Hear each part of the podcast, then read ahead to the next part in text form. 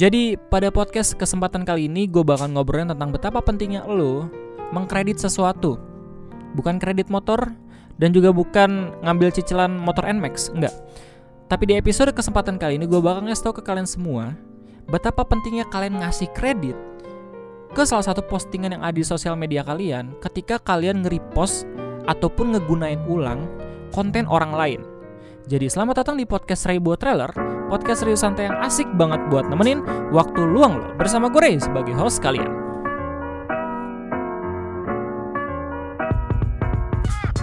Halo sobat gabut, halo sobat mager, kembali lagi bersama gue Ray, host tercinta kalian di Ray buat podcast.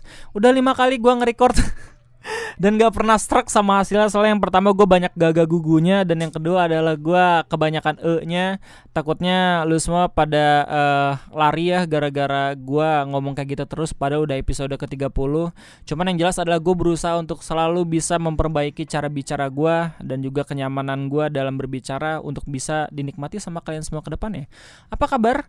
Semoga kalian baik-baik saja ini udah akhir bulan Januari dan di awal tahun ini kita benar-benar dihadapi dengan berbagai macam fenomena yang uh, kurang baik lah untuk kita kenang lagi gitu.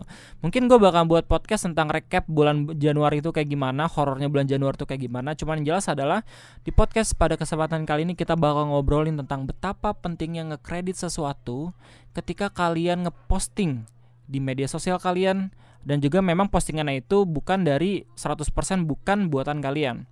Lu nggak usah aneh dan lu juga nggak usah khawatir sama pembicaranya karena gue si pembuat terkocak itu udah sering banget berurusan sama ini. lu juga tahu kalau misalnya terkocak itu ada sebuah video uh, modifikasi Jatuhnya kalau misalkan gue bisa ibaratkan dengan sampah itu gue recycle beberapa video-video yang emang udah nggak kepake dari konten kreator dari film yang segala macem. Terus gue juga buat dan gue jadikan itu sebagai salah satu konten baru yang tersedia di channel YouTube gue namanya Trail Kocak. Penting banget bagi gue untuk ngekredit berbagai video yang emang lagi gue gunain ataupun yang udah gue gunain untuk ngebuat Trail Kocak itu. Jadi sampai sekarang gue masih bingung.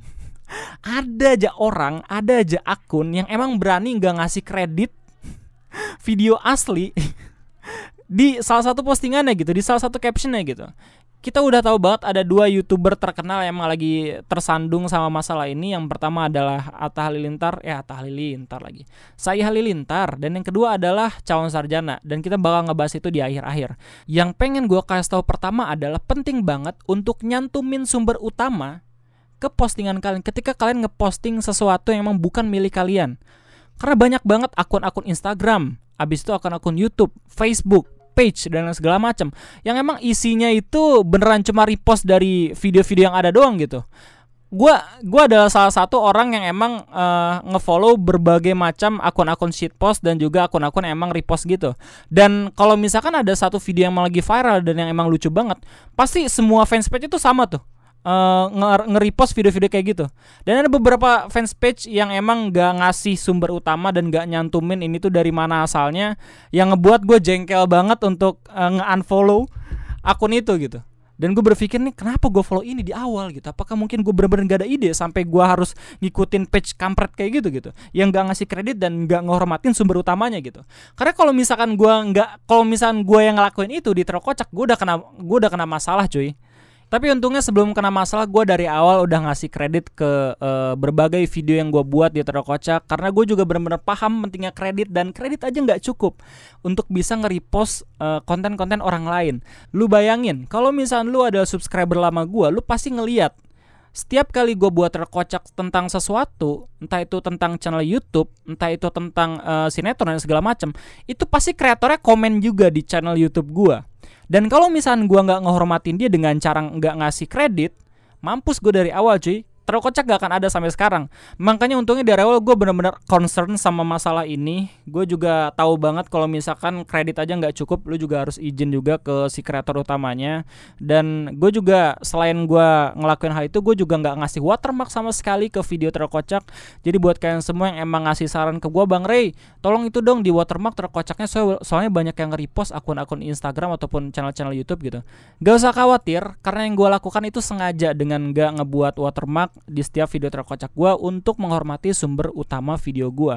Tapi ya ada dalam beberapa kasus lu juga perlu ngasih watermark karena memang video-video itu lebih keren dari sumber utamanya kayak misalkan channel-channel ataupun uh, kreator-kreator meme kayak begal sepeda, AKMJ, kucing menangis. Mereka itu adalah si uh, kreator-kreator internet yang emang dia ngebuat video yang lebih keren dari video utamanya dan nah, itu boleh-boleh aja menurut gue sah sah aja di watermark. Soalnya ya pasti akun-akun repost IG bodong uh, Instagram Facebook juga bakal nge-repost apa yang dia buat gitu. Apalagi begal sepeda yang emang dia tuh lagi tren banget baru-baru ini dan banyak banget di repost sama orang-orang perlu banget sama yang namanya watermark.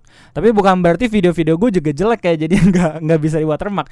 Gue cuman pengen ngasih uh, penghargaan sih penghargaan lebih ke sumber utama gue untuk uh, tidak mencantumkan watermark dan juga tidak memodifikasi lebih dan menjadikan video mereka itu jadi video gue karena gue cuman ngedit gitu kagak ya. Jadi ya gue tetap menghormati sumber utama gue chills chills. Dan itulah mungkin yang ngebuat gue ataupun channel gue itu masih ada sampai sekarang. Gue juga riset sendiri dan gue juga tahu gitu kalau misalkan uh, kredit itu penting izin itu penting dan juga uh, ngasih watermark itu nggak terlalu penting gitu. Gue kalau misalkan buat terkocak tentang channel YouTube 100% ataupun 80% gue pasti bakal bakalan izin ke kreator utamanya. Kenapa 80%? Karena ada beberapa uh, case di Trokoca kalau misalkan gua buat videonya itu khusus banget buat kritikan, gue nggak akan izin ke orangnya, tapi gue bakal langsung nyantumin sumber utamanya.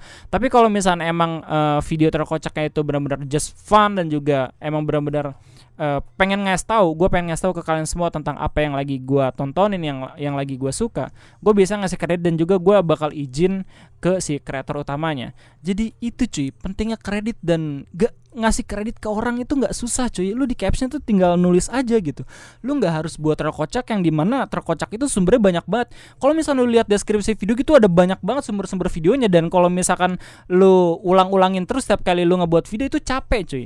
Capek banget. Kalau misalnya lu ngeh mah ya uh, beberapa konten kreator itu malas banget buat deskripsi baru-baru ini kayak Zawin misalkan. Atau Andri dari Lunatic juga dia juga dia juga udah mulai bosan buat deskripsi. Terus juga Kaisang tuh dia kalau misalnya buat video deskripsinya bener-bener kayak simple banget dan malas banget buat ngebuat deskripsi. Tapi gue nggak bisa kayak gitu gue juga harus menghormati orang eh, orang-orang yang emang ngebuat uh, video original yang emang gue pakai gitu dan gue cantumin sumbernya di situ. Jadi nggak nggak terlalu susah gitu ngasih kredit.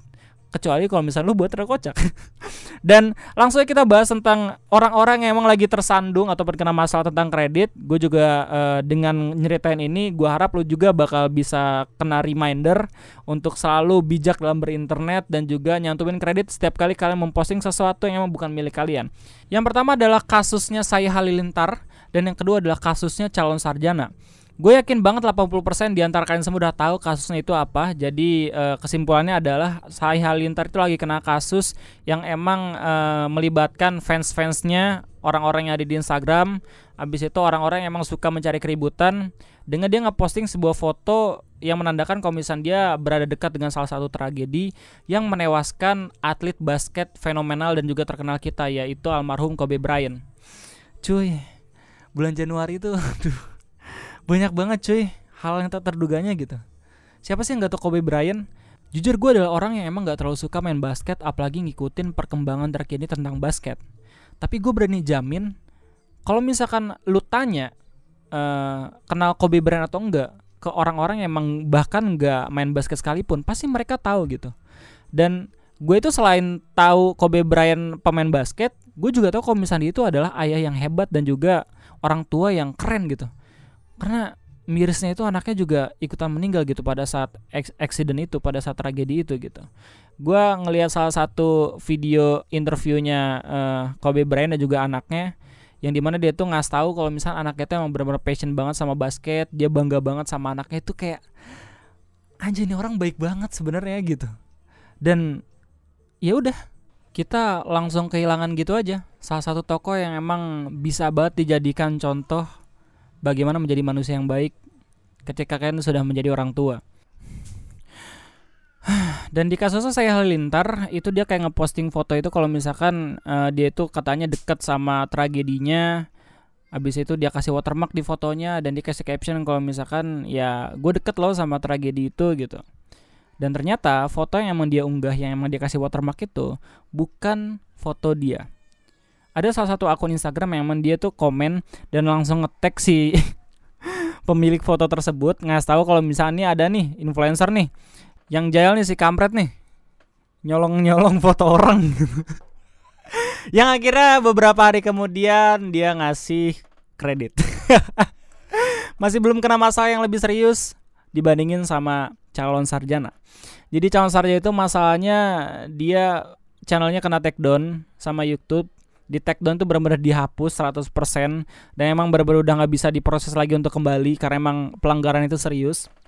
Dia nggak cuman eh, nggak uh, naruh kredit dia nggak cuman ngelanggar aturan fair tapi dia juga ngeplagiarisme. Plagiasi plag dia juga ngeplagiasi uh, video-video orang ataupun video-video dari channel-channel YouTube luar negeri di mana dia cuma translate. Lu bayangin kalau misalnya terkocak kayak gitu, gua nggak bisa pikir. Gue juga rada sedih sih sebenarnya kalau misalkan gua ngeliat calon sarjana gitu.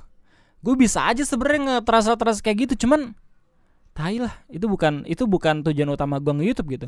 Tujuan utama gue nge-YouTube bukan cuman karena uang tapi emang karena gue pengen ngasih tahu ke kalian semua gue pengen ngehibur kalian dengan video yang emang dengan tipe video yang kayak gini yang gue buat sendiri yang emang 100% effort gue mungkin formatnya sama dengan uh, Screen Junkies dan juga beberapa parodi-parodi trailer yang lain cuman itu nggak ada bedanya kan sama orang yang kalau misalnya dia ngevlog juga sama kan kayak Casey Neistat dan segala macem. Formatnya sama gitu. Jadi sebenarnya susah ya. Jadi konten kreator emang 100% pure murni konten baru gitu. Sekarang udah susah banget. Yang bisa lu lakuin adalah ketika lu menjadi konten kreator baru, lu ba cari banyak-banyak referensi konten-konten keren tuh kayak gimana. Abis itu ya udah lu pelajarin, abis itu lu buat versi lu sendiri gitu. Itu sekarang yang lebih mudah gitu. Kayak Mr Beast itu sebenarnya dia ngevlog doang, tapi dia kayak ngebuat sebuah uh, fenomena baru di mana dia buat video dengan challenge abis itu dengan price dan segala macam memang bisa ngebuat kita main blowing dan penasaran untuk nontonin videonya itu tipe konten yang lagi dicari dan emang ditunggu-tunggu di YouTube 2020 kita emang kalah sama mesin kita juga kalah sama perusahaan besar yang dia juga buat channel YouTube yang setiap hari dia bisa buat 5 sampai 10 video sorry tapi justru yang bikin unik YouTube itu orang-orang kreator individu gitu. Jadi kalau misalnya YouTube emang sekarang itu bergantung sama media-media TV ya bisa itu perusahaan-perusahaan besar, mereka adalah orang yang idiot karena ke depannya itu YouTube bakalan sama kayak TV dan orang-orang bakalan semakin meninggalkan YouTube. Dan itu yang lagi gue khawatirkan sampai saat ini.